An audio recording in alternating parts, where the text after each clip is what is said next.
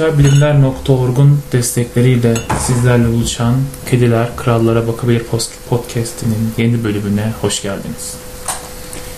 Sartre çağının büyük düşünürlerinin başında anılır. Anlamam. Ben küçük, zavallı dertlerimin boğulmasındayım. Hüsat Orhan Bener. Bay Muannit Sahtegi'nin notları. Merhaba Furkan. Merhabalar Ahmet. Nasılsın? Teşekkür ederim. Sen nasılsın? Ben de teşekkür ederim.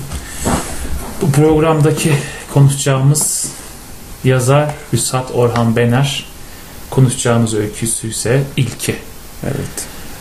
Hüsat Orhan Bener edebiyatının öyküsünün, romanının yani her türünün e, çok kendine has, çok değerli bir ismi.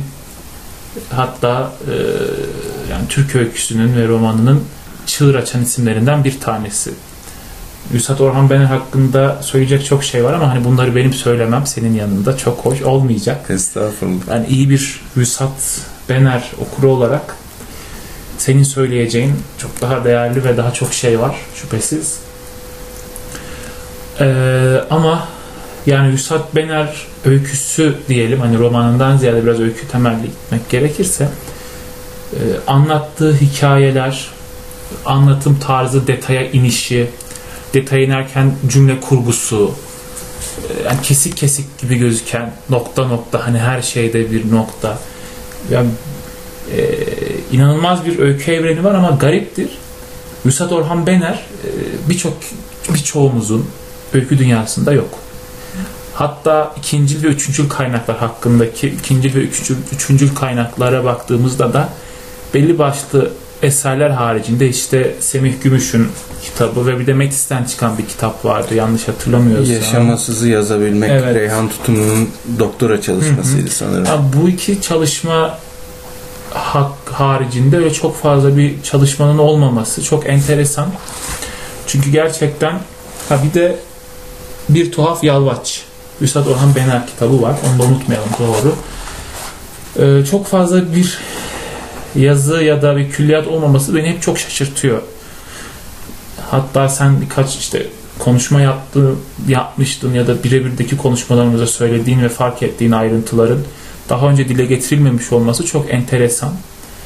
Ee, Bugün konuşmaya çalışacağımız öykü olan ilki meselesinden o baba oğul çatışmasını şöyle işte biz sen ben Ali Oktay üçümüz bir program yapmıştık hani baba üzerine. Ya orada seçtiğimiz metinler içerisine baktığımızda ya da genel olarak baba meselesi üzerine seçilen metinlere baktığımızda bence ilk metni onlar içerisinde baba oğul anne değişim bütün o her şeyi içine alan konular içerisinde e, çok başka ve biricik bir yere sahip bir öykü. Sözü çok ben fazla uzatmayayım. Sen bence bize bir Vüsat Orhan Bener anlat. Dinleyelim. Bence kendin gördüklerinle yani insanlardan gizlediğin not, not, notlarınla birlikte bence anlatırsan çok daha güzel olur. Şimdi sen bahisleri çok yükselttin. Ama e, şimdi Bener'e dair bir şeyler söylemeye kalksam saatlerimi alabilir. O yüzden e, tam olarak bir Bener e, bu arada Vüsat Orhan Bener demek bana çok ciddi geliyor. Vüsat Bener demek e, Orhan'a haksızlık olduğunu hissediyorum. Ve o B demek de beni biraz yoracağı için ben hep Bener diyorum. Daha hoşuma gidiyor. O yüzden Bener diyeceğim. Ya Bener'e dair e, şöyle kısaca bir giriş yaparsak eğer tabii 50 kuşağı denince ilk akla gelen isimlerden biri. 50 kuşağında e, temel yenilik dil bakımından Hı hı. bunu biliyoruz zaten. Evet. Ferit Edgü de bunu çok sık söyler. Ama Bener 50 kuşağın içinde bile sivrilmiş bir isim. Yani her anlamda sivrilmiş bir isim. Yani e, bu yazı anlamında, yaşantı anlamında, e, görüş o anlamında E, çünkü şunu biliyoruz yani Bener çok yazan bir insan değil. Yani zaten toplasam 7-8 kitabı anca var. Yani e, ve öykülerinde birkaç kez okusanız e, yani bütün külliyatını bir sene içinde 2-3 kez okuyabilirsiniz yani öyle bir e, verimi var. Çok yazan bir insan değil. Ayrıca şunu da biliyoruz mesela ilk Dost öyküsünü yazdığında işte o meşhur Kasap Ali evet. dostumdur diye başlayan öykü. Mesela onu e, Herald Tribune gazetesiyle İstanbul gazetesi miydi? Bir evet. işte İstanbul Yeni Yeni İstanbul gazetesi hı hı. öykü ödülü düzenliyordu evet. ve Bener e, kendi anlattıklarına göre oraya kardeşi Erhan Bener ve arkadaşlarının e, teşviğiyle bir öykü yazmaya başlamış. Çünkü Bener e, iyi de okuyan bir insanmış. Sürekli eleştirirmiş şöyle böyle. E, işte herkes zorlamış. Ya yaz sen de yaz artık diye. O yarışma için yazmış dost öyküsünü açıkçası. Hı. Ve o orada dör, üçüncülük alıyordu sanırım. E, Samim Kocagöz birincilik alıyor diye hatırlıyorum. Hı hı. E, benim o yarışmaya dair unutamadım ve bunu hep dile getirdiğim şey şu olur. Ee, o yarışmanın jürisinin jüri isimleri epey iyi isimler ama bunlardan biri de Orhan Veli. Orhan Veli Bener'in öyküsü hakkında şunu diyor ya bir kasap öyküsüne mi ödül vereceğiz tarzı bir şey söylüyor. Çok enteresan yani rakıya şiir yazmış yani, bir isim evet. E, Orhan Veli açısından bir talihsizlik bu evet, yani. Evet. ben hep şunu derim yani ben ilk Bener okuduğumda Kapan Hı-hı. kitabını okuduğumda açıkçası bunu hep söylerim. Kitabı bir kenara fırlattım böyle öyküler olmaz dedim. Yani ama sonra ondan bir 4-5 yıl sonra Bener'e dönünce artık Bener'den kopamayan bir hale gelince çok utanmıştım ve kendi diyetimi Orhan Veli ile ödemeye başladım. en azından ben pişman olma fırsatı buldum ama Orhan Veli buldu mu bilmiyorum yani. Biraz da o düşünsün dedim. Ee, böyle bir giriş yapabiliriz. Dost öyküsünü bir 10 günde mi 15 günde mi ne yazıyor Bener? Eve kapanıp yazıyor, gönderiyor. Memduh, Memduh Şevket Esendal'la bir tanışması var. Hı. Esendal öyküyü okuyunca bana bu genci bulun getirin diyor. O zaman e, hatırlayamadığım bir eleştirmen Bener'i alıp e, Esendal'ın e, ofisine götürüyor. Karanfil sokaktaymış hı hı. ofis. İşte e, Bener şöyle anlatıyor. Yani ofise girdiğinde orada milletvekilleri vesaire de varmış hı hı. odasında. E, Esendal hemen ayağa kalkmış. Bener'i işte bu geleceğin öykücüsü vesaire diye tanıtmış. E, öyle bir tanışmalar olmuş. Sonradan Esendal işte dergiye öykü istiyor. Bener, Bener için dergiye öyküler iste, istemeye başlıyor ama Bener yazmıyor. Hı hı. Yani kendisi ben yazan bir insan değilim diyor. Yani hı. dergiden istiyorlar.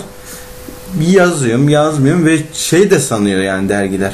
Ya var ama öyküsü vermiyor. Hı. Ama Bener diyor ki ben yazmıyordum yani. Evet. yani yazarsam da tek tük.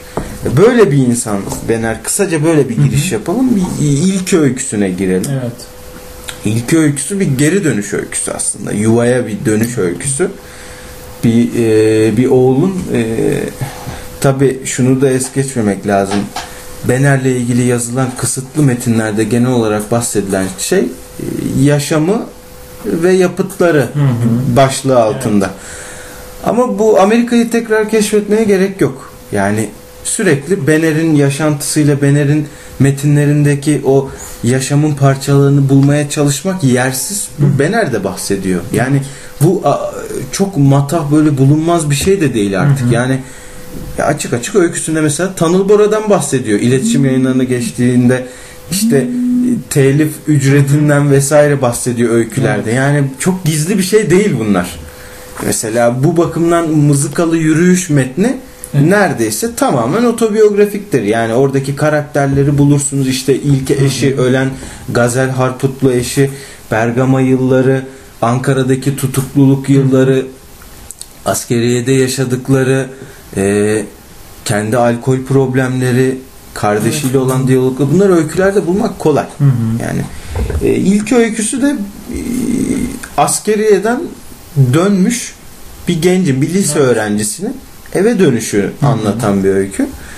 Ve öyküyü ilk okumaya başladığımızda tam bir Bener öyküsü diyoruz. Yani o kapalı anlatım, o soğukluk yani o kış günü işte hmm. buzlar çıtır diyor at arabası gittikçe evet.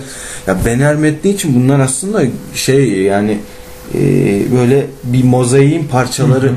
birleştiren parçaları, o atmosferi daha ilk paragrafta anlarsınız. Evet. Senin girişte de bahsettiğin o hani eksiltili cümle vardır hı. kesik kesik. Evet. Yani bu Bener metni diyorsunuz. Böyle bir öykü genç evine dönüyor. Annesinin, babasının, kardeşinin hı. yanına dönüyor ve o anda hissettikleri bir monoloğa e, kayan bir öykü aynı Hı hı. zamanda ama e, Nurdan Gürbilek bu öyküyü bahsederken mesela Oğuz Atay'ın babama mektup öyküsüyle Evet. e, yan yana okuma yapıyordu. Hı hı. E, orada şeyden bahsediyor. Yani bir baba meselesi var. Evet. İşte Oğuz Atay mektubunda sen olmadan sana yazılanın Hı ne hı. gibi ne anlamı var tarzı bir cümle Evet, evet. kuruyordu. İlkide de aslında böyle bir şey var. Babası yaşıyor ama o kadar bir perdeli bir ilişki var ki Hı hı, babasıyla. evet. O kadar simgesel ilerleyen bir ilişki var ki. Yani sen varsın ama yine de sensiz bir boşluğa konuşuyormuşum gibi bir hisse kapılıyor anlatıcı.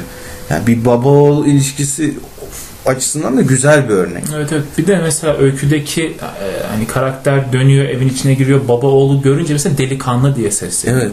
Aslında bu sokaktaki bir adamın genç bir çocuğa seslenişinden farklı bir şey değil. Yani çok soğuk. E, aynı zamanda mesafesi olan da bir Evet, anne- Sanki e, tanışmıyormuş gibi. Yani oğlum demiyor mesela Evet. ya da daha sevgi sözcüğü, daha sıcaklık içeren bir şey söylemiyor. Mesela ilk e, yatılı okula işte Hı hı. askeriye giderken annesinin tekrar ağlama anını vesaire hatırlıyor. Annesinin hala gözleri Evet. doluyor. Ve anneyle kurulan ilişki orada hep annesinin ona dair hissettiklerini görebildiğini düşünüyor. Ama babasından hep bir şüphesi evet, var. Evet. Mesela şey de çok şaşırıyor. Yani baba koluna giriyor ya oğlun. Evet. Mesela o an babamdı diyor ve koluma girmişti. O şaşkınlık hali ya da babanın elinin çok sıcak olması, Tütün. tütün kokusunu içine çekmesi vesaire. Ya bütün bunlar aslında bu baba ve oğul çatışmasının çok net noktaları. Ee, ben bu öyküyü okuyunca bir dönüş hali var ya aklıma benim direkt şey geldi. Tatar çölündeki Giovanni'nin e, evine dönme hali. Evet. Hani ilk dönüşteki o hal. E, o yabancılık hali, annenin e, umursamaması çocuğu vesaire gibi haller, bütün bunlar. E, mesela burada da anlatıcının yorumları var tamamen. Mesela kardeşine yaptıklarına dair bir pişmanlık duyuyor ama hala aslında yine olsa yine yapacak. Yani e, baba bu sefer babanın elleri soğuk.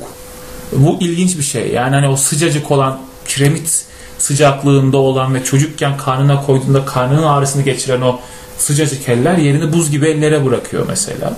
babaya dair o e, büyü büyülü bir dünyanın da e, neredeyse e, yok olmaya başladığıyla yüzleşiyor Evet. yazar. Yani e, aklına gelen babasının sıcak elinin karnının ağrısını birden geçirdiğini Evet. düşünen bir e, çocuk e, genç eve döndüğünde babasının elinin soğuk olması aslında babasını atfettiği anlamı da tekrar sorgulamasına neden oluyor. Evet. Yani e, babayla kurulan bir ilişki var. Babasının çok yani elinin sıcaklığını bile üst yerlere koyan bir karakterin babasıyla tekrar yüzleşmesi ve belki de baba e, zihnindeki baba imgesinin bir yara almasıyla karşılaşıyor. Evet. Ama burada tabii Bener karakterini e, klasik bir Bener karakterini de görüyoruz. Bener anlatıcısını ben anlatır. Bener'de zaten çoğunlukla ben anlatıcıdır ve bazen o üçüncü tekil e, tanrısal bakış açısı da yer yer girer metne. Hı hı. Ya Bener'de o beni böler. Yani parçalara ayırır. Burada tek bir beni o içinde bölmeye başlıyor. Babaya dair pişmanlığı, kardeşine dair pişmanlığı ama yine de kardeşinin saçlarıyla içten içe Evet. dalga geçmesi Evet, evet. vesaire. Bu tam bir Bener karakteri diyorsun. Hı hı. Çünkü Bener karakteri özünde kusurlarını kendine vurabilen karakterlerdir. Hı hı. Yani burada da o anlatıcı kardeşine dair duyduğu sıkıntılı düşüncelerini yine kendisine vurabiliyor. Evet. Bundan utanç duymasına rağmen. Yani ama çok tehlikeli sularda yüzen karakterler bunlar. Şöyle Hı hı. kendiyle nefret edip kendiyle barışma arasında o sarkaçta gidip gelen karakterler. Biraz ilerlese o batağa düşebilir. Hı hı. Biraz ilerlese kurtulabilir ve öykü ortadan kalkar. Ya Be- Bener'de bu iç denge önemli olan. Ve bu monoloğu yani e, elden kaçırmıyor. Kaçırsa klişeye de düşebilir. Evet. Bu yüzden de önemli bence. Kesinlikle. Ya bir de şu da var. Hani sen de dedin ya 1950 kuşağı öykücüler içerisinde çok yani nevi şahsında münhasır Tabii. bir e, yazar. E, yani aslında hep 50 kuşağı ile ilgili söylenen o işte varoluşsal sancılar, bireyin sıkıntıları vesaire gibi. Benner öyküsünde elbette bunlar elbette var ama Benner daha farklı bir şey anlatıyor. Yani e, hayat bir şekilde akıp gidiyor. Yani mesela burada bu öyküde konuştuğumuz ilk öyküsünde ya da dost öyküsünde ya da birçok şeyde e, hayatın tüm o gerçekliği yani burada mesela sahte bir sıkıntı yok. Evet. Yani bu metni o- okurken yani mesela babaya bizim okurun erkek okurun zihninde çünkü yani kadın kadınların babayla ilişkisi daha farklı ya onun için erkek okur diyorum. Ee, erkek okurun zihninde yani o, hissi hepimiz yaşıyoruz ve bir duygulanım yani bir hüngür hüngür ağlama isteği yani babaya dair anlatılanları duyunca ya da kendi babanın zihninde canlandırınca bütün o hepsini görüyorsun Ee, ve yani ilginçtir aslında 50 kuşağı içerisinde e, ön plana çıkmayan isimlerden bir tanesi de Benner. Hani bu kadar eserine rağmen. E, yapı kredi bastı. Şöyle dinlenebilir. Yapı kredi bastı daha ne? Mesela ama şu an birçok eserini bulamıyorsun. Baskısı yok. Böyle bir ilginçlik var. E, ve e, Benner'in metinlerinde e, genel olarak gördüğümüz şey hani sen de söyledin kendisi var evet ama bir e, suçlama ya da bir yalan ya da bir şey yok yani abartılmış bir durum yok ortada kişilere dair olaylara dair vesaire E, müthiş bir e, anlatıcı ve e, şeyin sınırlarını da çok iyi çiziyor yani anlatısının sınırlarını az önce senin de söylediğin ama öbür taraftan her ne kadar işte Tanıl Bora yani otobiyografik ögeler yer alsa da metinlerinde bir anı değil yazdığı Ve metinler. emin yani. olamıyorsun. Evet. Yani o, o- bu işte yani aslında metni e, çok önemli yapan şeylerden bir tanesi bu günümüzde mesela bu çok yaygın bir şey haline geldi. E, özellikle Amerikan edebiyatında kişilerin kendi hayatını anlatıyormuş gibi bir kurmaca kurması. İşte mesela Knausgard serisi vesaire.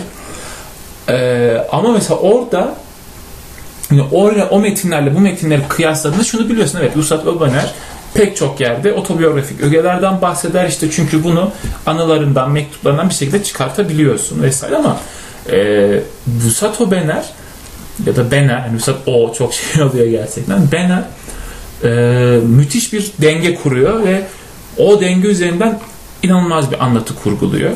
Günümüz modern edebiyatının yaptığı şey aslında tamamen kendini hikaye meze etmek. Yani Bener bunu yapmıyor. Bunu Evet. söylemek istiyorum aslında. Yani Bener kurmaca yapıyor. Yani gerçek anlamda bir kurmaca ustası. Ama öbür taraftan hani modern edebiyatın hani benim son zamanlarda kafamda döndürüp durduğum bir mesele bu. Kurmaca ve kurgu e, meseleleri. E, Modern dönem eserleri ise kurmacadan ziyade biraz daha kurguya kayıyor. Yani daha fazla manipüle etmeye yönelik anlatılar kurguluyorlar. Böyle bir şey diyebilirim belki. Ee, bu noktada Bener için yazının imkanından da bahsetmek lazım. Yazmak, okumak. Çünkü biraz önce bahsettiğin gibi hani o e, Bener'deki o evet bu gerçek hayatta karşılaşabileceğimiz bir durum dediğin an Bener'de şu. O yıkıcı bir olay karşısında bile o saçma sapan tavra bürünebilen karakterler. Mesela mızıkalı yürüyüşte at- çocuk askeriyedeki çocuk Atatürk'ün ölümünü haber aldığında öyle bir anlatıyor ki oraya işte o heybetli komutan gelmişti masaya yumruğunu vurdu işte Gazi öldü vesaire dediğinde sanki o komut vermiş gibi bütün sınıf hüngür hüngür ağlamaya başladığında nedense kafamı koyup Evet. gülme krizine girmiştim diyor. Şimdi Bener'deki bu ters köşe o yaşama. Hı hı, hı. Ee, tam yaşamın o biricik anını yakalıyor. Evet, evet. Mesela annesi ölen bir karakter anacım ah anacım vah anacım derken birden kendini taklit ediyor ühü ühü deyip ağlama Evet. taklidi yapıyor. Bu işte ya da e, yazının imkanından okumanın imkanından bahsederken işte e, bir öyküsünde şey diyor işte eve gidip kitap mı okusam diyor. Kitaplar Allah belasını versin kitaplarını söndürebildi mi şu iç yangınımı Evet. diyor karakter. Tamam mı? Mesela yazmaya da böyle. Evet. Yazıyı da bir imkan olarak görürken mesela Muannit Sahtegi e, nasıl başlıyor? İşte kaydım işte e, kaydım Bay Muannit Sahtegi yapma seni yazmak kurtarır derken diyor ama orada da yazmayla hesaplaşıyor. Yazıya karşı ama yine de yazmam gerekiyor diyor. Mesela yazı ile ilgili şey diyor işte e, bıraksam yazmayı zaman gülle gibi oturacak yüreğime diyor mızıkalı gibi Evet. işte. Yani bir, bir noktada yazmam gerekiyor diyor. Bir yandan da onun anlamsızlığını da biliyor. Hı hı. Aslında bu şu noktada güzel. Yazmaya olağanüstü bir anlam atfetmiyor hiçbir Evet. zaman. Yazmayla didişen bir yazar Hı hı. ve bunu yazıyla yapıyor. Yani didişmeyi de yazıyla yapıyor.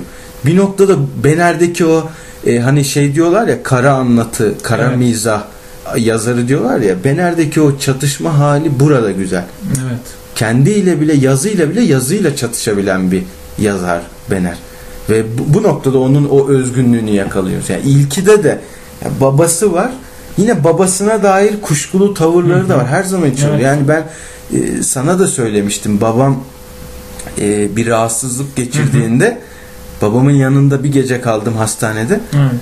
Babam uyurken camdan dışarı bakarken ikinci katta olduğumuzu fark ettim. Hastane yedi katlıydı. İlk Evet. programlarda da konuşmuştuk. Ee, o Giuseppe Corti'nin. Buzati'nin öyküsündeki yedi kat öyküsündeki o Giuseppe Corti'nin yaşadıkları aklıma geldi. Yedinci kattan Evet, ikinci evet, kata evet, kadar inen hastane öyküsü ve gülme krizine girdim hastanede. Ve babam yanı başımda yatıyor. Ama işte o anda bu, bu tam bir Bener öyküsü. Evet, yani doğru. doğru. evet. evet kesinlikle. Hayatın böyle en olmaz dedin ama tam da hayatın merkezinde olan Evet. meseleler aslında. Herkesin bir şekilde yaşayabileceği. Şöyle bir soru sorayım. Hani zamanımız da kısa ama belki bu son 5 dakikaya bunu sığdırabiliriz. Mesela genelde 50 kuşağı Said Faik'le anılır. Hani Said Faik'in 50 kuşağı başlattığı vesaire söylenir. Ee, hani Bener öyküsü gündelik hayatı güzelce m, temel al- alması bağlamında belki Said Faik öyküsüne benziyor olabilir ama çok ayrı. Sence 50 kuşağı öyküsü dediğimiz 50 kuşağı Bener öyküsü çünkü ilk e, tam 50'de dost öyküsünü gönderiyor Evet. tribüne tam 50 kuşağı tam 50'nin ilk yılında başlayan 1952'de de süreç. kitabı çıkıyor 52'de de zaten. kitabı çıkıyor. Sence bu 50 kuşağı dediğimiz e, kuşağın e, başlatıcısı olmasa bile e, yani temel alınacak ilk isimlerinden bir tanesi Bener olabilir mi? Hani Said Faik yerine. Çünkü Said Faik'in öykülerine baktığımızda çok başka bir şeyden bahsediyor Said Faik. Yani anlatım tarzı olsun, anlattığı insanlar olsun, cümle yapı kuruluşu vesaire birçok birçok şey anlamında. şöyle diyebilirim. Said Faik'i 50 kuşağından ya da Türk öyküsünden çekemeyiz. Çeksek e, ya epey Tabii. bir zarar görür, sallanırız yani epey bir. Ama şunu şurada bir yanlışlık görüyorum kendimce. E, 50 kuşağı bahs- bahsedilirken 50 kuşağından Said Faik'i başlatıcısı olarak Hı hı. koyuluyor. Ya bu yanlış bir şey demiyorum ama e, biraz üzerine düşünülmesi gereken şeyler bunlar. E, Said Faik 50'nin hazırlayıcısı olabilir. Said Faik'i ben şöyle diyorum. Yani Said Faik öykülerindeki karakterleri görürsünüz. Hı hı. Çok Evet. net görürsünüz. Evet. Yani saçını, göz rengine kadar, Evet. kıyafetine kadar görürsünüz. Said Faik bir karakter formu yaratmış ve bunu sokağa çıkarmış bir isim. Ama 50 kuşağının farkı burada şu. 50 kuşağı o karakteri anlatmak yerine o karakter olup Hı hı. kalemi kendine batırıp bir ameliyat masasına yatıran öyküler 50 kuşağı. Hı hı. Said Faik tamamen 50'ye işte e, zaten 50 kuşağı dediğimiz e, öykücülerin çoğu 50 sonrasında öykü vermiş. Evet. 60'a kayıyor yani. Ya Feyyaz Kayacan da öyle, işte Yusuf Atılgan da öyle. Yani daha çok 60'larda Hı hı. e, öykülerindeki bir politika görülmüş aslında. Ve Said Faik'i iyi bir karakter formu oluşturmuş ama 50 kuşağı karaktere bambaşka yerden yaklaşıyor. Yani e, Said Faik böyle biraz e, aylak karakterler, sokağa çıkardığı karakterleri varken 50 kuşağının karakterleri sokağa çıkmayı bırakın doğru düzgün yürüyemez bile. Evet. Yani kusurlu karakterler ve bu kusurlarıyla yüzleşmeye çalışan karakterler. Mesela Bener öyle. Bener o Orhan Koçak'ın deyimiyle lanet tarafıyla yüzleşmeye çalışan karakterler. Kalemi kendine batırmış karakterler. İşte bunu biz mesela Yusuf Atılgan'da da görüyoruz. Mesela Yus- Yusuf Atılgan'ın yaşanmaz öyküsünde de. Dayak yiyen bir karakter var. Birden uyanıyor etrafında birileri var. Ve yardım eden birini öldürmeye çalışan bir karakteri okuyoruz biz orada. Hiç de iyimser bir öykü değil. ve insanın o içindeki o biricik o kötülüğü ortaya çıkarmaya çalışan karakterler. Mesela Bener'le Yusuf Atılgan karakterleri böyleyken Hı hı. işte Demir Özlü de biraz daha kendiyle artık yüzleşmeye başlamış ve o sakinliği anlatan karakterler var. Kamuran Şipal'de de böyledir mesela bu. Nezihe Meriç'te de biraz böyledir. Ama işte Sait Faik'i bizim bambaşka değerlendirmemiz gerekiyor. Sait Faik çünkü bir 50 kuşağının başlatıcısı değil aynı zamanda. Sait Faik 2000'in de başlatıcısı olarak görebiliriz yani. Evet. 2010'un da görebiliriz. Sait Faik başka bir yer. Ya 50 kuşağını kendi içinde değerlendirmemiz lazım ve Bener çok farklı bir yerde. Yani Sait Faik'le yaklaştırabileceğim bir yerde değil bence. Anladım, evet. Bu şekilde kısaca bahsedebilirim yani. Süremiz de yavaş yavaş doldu. Yani Bener öyküsünü bence gündemimize almamız gerekiyor. Ee, Ve hani hep söylediğimiz işte burada perspektif serisini yaptığımızda da hani seçtiğimiz isimler bağlamında da e, konuşmaya çalıştığımız şey Türk yazınında öyküsünde çok önemli olup da hakkında ikinci, üçüncü kaynak olmayan isimler. Ee, Bence bu alanda ciddi manada çalışmalar yapılması gerekiyor. Evet yani mesela bir programda da Zeyyat Selimoğlu Evet, konuşabiliriz evet yani. benim aklımda da o vardı hatta yani bu program bitince sana bir sonraki programda Zeya Selimoğlu yapalım mı diyecektim. Ya bunlar çok önemli isimler ve e, edebiyatımızı hani ders kitaplarında bir şekilde adı olup ama hakkında neredeyse hiç kaynak olmayan. Vüsat Orhan Bener'i genelde öğrenciler şey de bilir. Üniversite sınavına hazırlananlar dost yaşamasız 1952 Vüsat Evet, Orhan ve Bener. hani hakkında hani ders kitabına girebiliyor ama hakkında neredeyse ikinci ve üçüncü kaynak yok. Ee, hani bu bağlamda aslında üzerine uzun uzun düşünülmesi gereken bir isim ve bir de e, hep öyle zannediyoruz ya işte şimdiki yaşadığımız zaman bambaşka bir zaman ve anlatı çok başka bir yere evrilecek. Az önce söylediğin yani 2000, 2010 öyküsünü başlatabilir. Aslında Hüsat Bener'in anlatı dili de bence 2020'li yılların anlatı diline de çok uygun. Yani büyük metinler böyle bir şey. Daha önce işte Yücel Balkuyu'yu da konuşmuştuk. Daha Evet. önceki programlarımızda. Şöyle söyleyeyim yani e, en azından şimdi Bener ilk defa okuyacak biri olabilir. Bizi evet. dinledikten sonra elbette. E, şuna dikkat edebilir mesela. Biz mesela Pereç'i çok överiz Hı hı. şey diye. E harfini kullanmadan Evet, evet, kayboluşu evet. yazdı Hı diye. Bener öykü, Bener'in bir kitabını alın ve öyküleri okumaktan ziyade didikleyin. Bakın bakalım ve bağlacını bulabiliyor musunuz? E, Değil mi mesela? Bu bile aslında ne kadar? Yoktur bulamazsınız. Birkaç tane var. Ya bu bile yazarın bir duruşudur. Evet evet yani büyük bir anlatı dünyasına sahip Evet. olduğunu ve o bir plan dahilinde yazdığı gerçeğini gösteriyor. Bizi dinlediğiniz için teşekkür ederiz. Bir sonraki programımızın konusu ne olacak henüz bilmiyoruz ama Zeyyat Selimoğlu belki olabilir. Ee, sosyalbilimler.org'a e, desteklerinden ötürü çok teşekkür ediyoruz. Bir sonraki podcast'te görüşmek dileğiyle. Ee, bu arada e, bize sosyal medya hesaplarımızdan da ulaşabilirsiniz. Twitter ve Instagram'da Kediler Krallara bakabilir e, adresinden ulaşabilirsiniz. Takip edebilirsiniz bize. E, ayrıca görüş, önerileriniz e, ya da bizce şu programda şu da konuşulmalı dediğiniz varsa bize e, posta et e, kediler krallara bakabilir nokta e, com adresinden yazabilirsiniz. Ayrıca web sitemizi de ziyaret edip önceki programlarımızı da dinleyebilirsiniz. O- Oraya da kediler krallara bakabilir nokta.com'dan ulaşabilirsiniz. Krallara bakmayı hatta sırtarak bakmayı unutmayın. Kediler de krallara bakabilir. Hoşçakalın.